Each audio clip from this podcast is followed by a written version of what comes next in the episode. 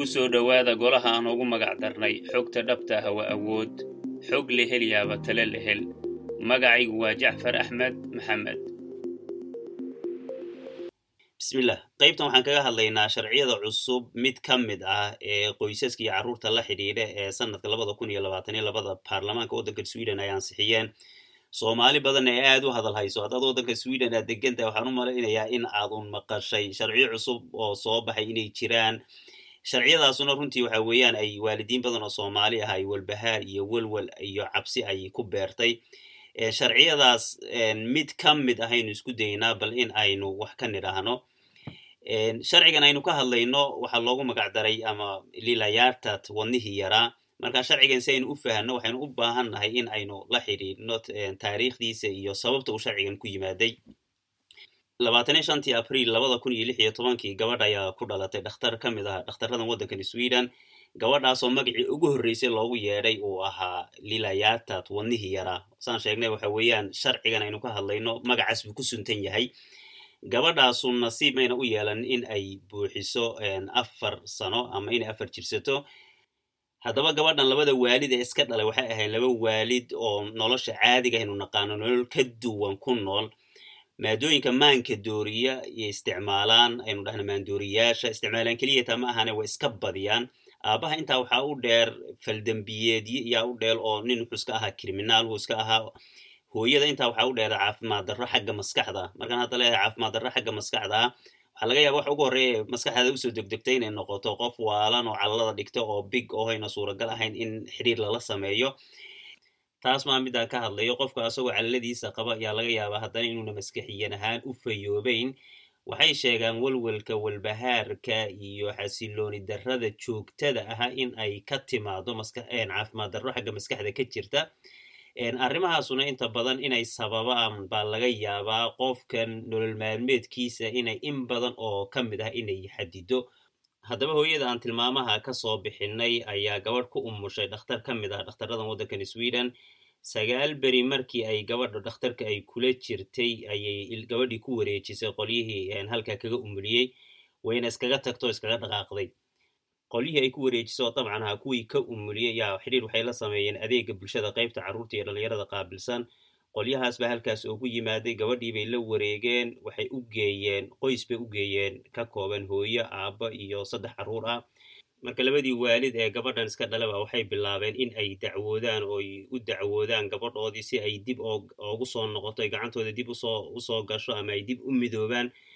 Waxay ka dacwoodeen maxkamadda koobaad maxkamadda koobaad waxay xukuntay in ilmahani uu reerka uu la joogo ay qolyahan adeega bulshada qaybta carruurta iyo dhallinyarada qaabilsan. Reerka ay u dhiibeen bay u xukumeen inay reerka gabadhu la sii joogto waxayna u arkeen inayna ahayn waalidiintanu waalidiin lagu aamini kara gabadha saas oo kaleeto. Almuhim markii uu xukunku saa u dhacay waalidiintanu halkaa mayna ku istaagine waxay ka dacwoodeen maxkamaddii ka sarraysa taas. Marka maxkamadda tan damba waxay xukuntay xukun ka duwan xukunkii maxkamadda koowaad. Waxay u xukuntay labada waalid ilmahoodii in dib loogu celiyo xukunkaasu markuu dhacay waxaa bilaabay marka processkii ama nidaamkii ilmahan dib loogu celin lahaa ee waalidkii dib loogu celin lahaa. Maxaa yeelay ilmahan hadda dee ilmo intuu noloshiisii oo dhanba wuxuu la noolaa dad kaleetuu la noolaa oo waalidkii hooyadii dhashay sagaal maalmood markay jirtay dhakhtarka ay ku wareejiso o ay kaga tagtay o kaga dhaqaaqday.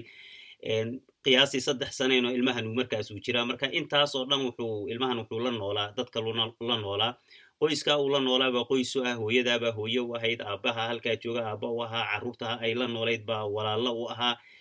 Nolol aana reerkaas ahayn oy gabadhu marka ay garanayso ma jirto. Marka gabadha in reerka intii laga qaado muddadaas ay la noolayd ee saddexda sanaha qiyaastii in lagu celiyo hooyo sagaal maalmood markay jirtay dhakhtar ku wareejisay oo iskaga dhaqaaqday in gabadha lagu celiyo taa laftirkeedu hawl sahlan ma aha. Waa in process iyo wakti iyo waddo dheer in loo maro wey marka waddada inta badan ay u maraanna waxaa weeyaan ilmahan markii gurigii lagu celinayo oo kaleeto waa in ay hooyadu ay ugu timaado ama waalidkii reerkii haye waa inay u yimaadaan gabadha guriga waa inay loogu yimaado waa inay la yaraha joogaan waa inay banaanka isu raacaan oo muddo ka bacdi waxaa laga yaabaa marka dambe in ay gurigii waalidkii dhalay in la geeyo habeen ay gabadhu soo seexato laga soo celiyo habeen labaad ay seexatay laga soo celiyo ilaa ay marka dambe ay gabadhu ay qabatinto reerkaas aabaheed iyo hooyada markay qabatinto markaas bay reerku yaa lagu wareejinaya oo dee markay xukunku saa u dhacaba intay gabadha gacanta la qabto loo geyn mahayo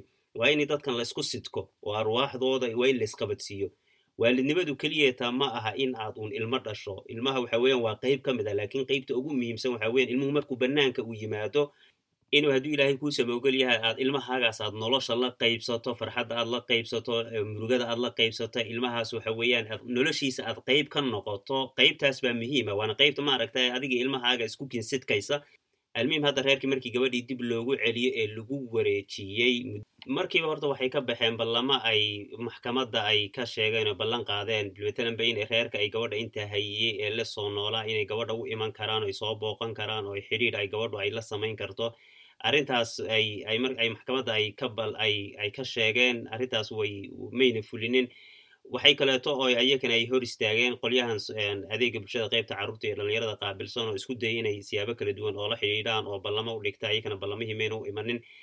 Maxaa yeeley waxyaabahaas oo dhan qasab ma aha. Mar haddii ilmihii loo xukumay oo maxkamaddu u xukuntay waalidkay ku xidhan tahay inay waalidkii horeta ama gurigooda ay yimaadeen ilmahooda hayay socialku ama qolyahan adeega bulshada qaybta carruurta iyo dhalinyarada qaabilsan inay gurigooda yimaadaan ama u tagaan waalidkay ku xidhan tahay wax qasab ha ma aha almuhim kama soo wareegin toban bilood markii gabadhii oo guriga loogu tegay waa la soo qaaday dhakhtarkaa la geeyey baaritaan bay ku sameeyeen sababtay gabadhan ay u dhimatay.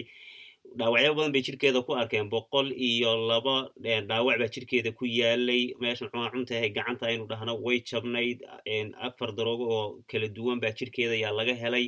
Nafaqa daray sheegeen sidoo kaleeto waxay sheegeen gabadhan inay mootanayd saddex maalmood.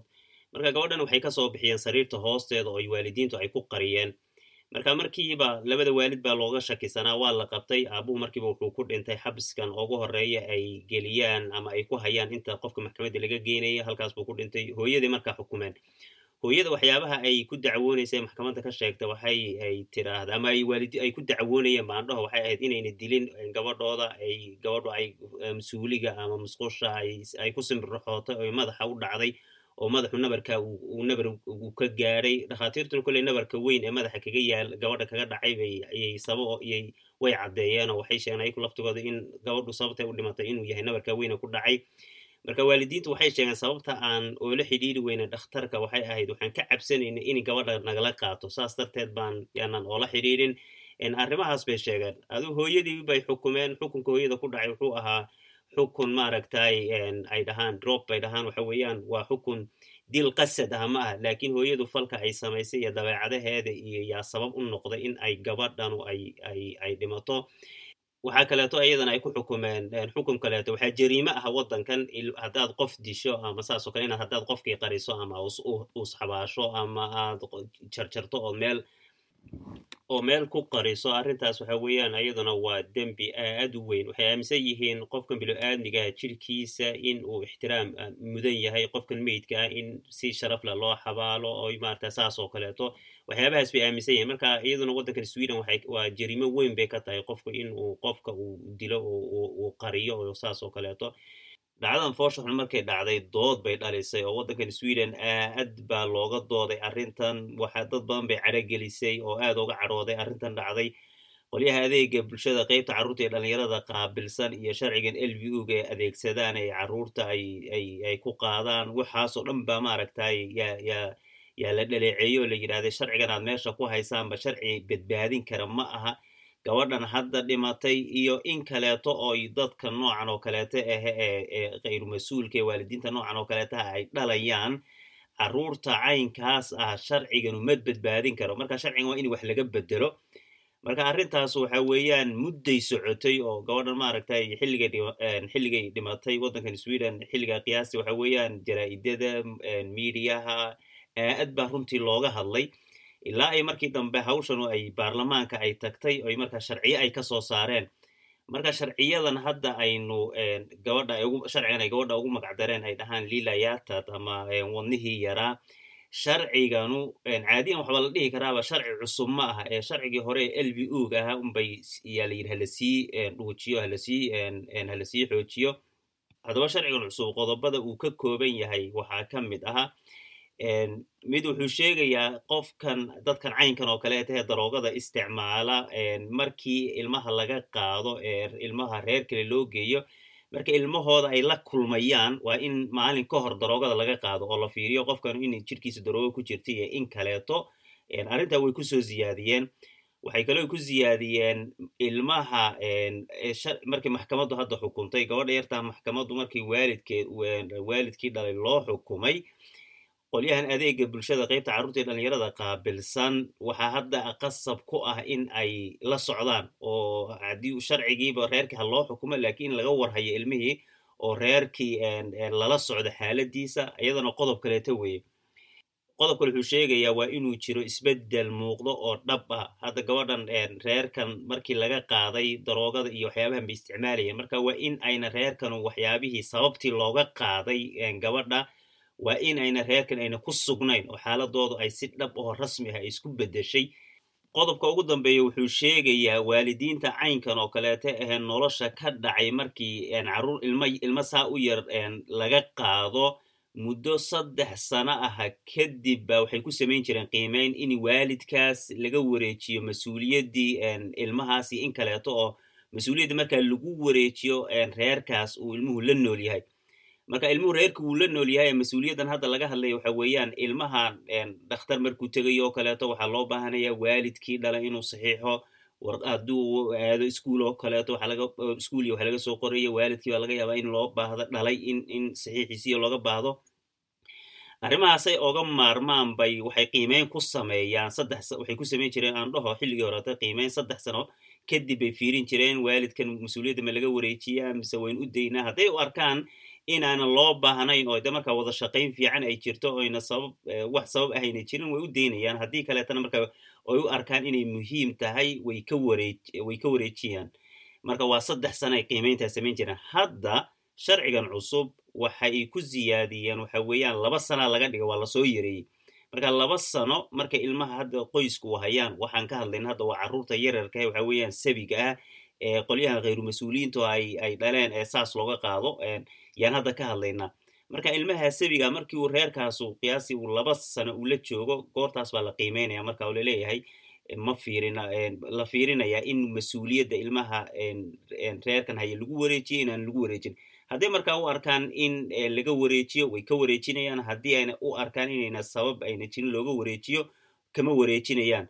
Marka qodobka ugu dambeeyana kaas waaye marka sharcigan lilayatat ama wadnihii yaraa sharcigana ay ugu magac dareen qaybahaas buu ka kooban yahay.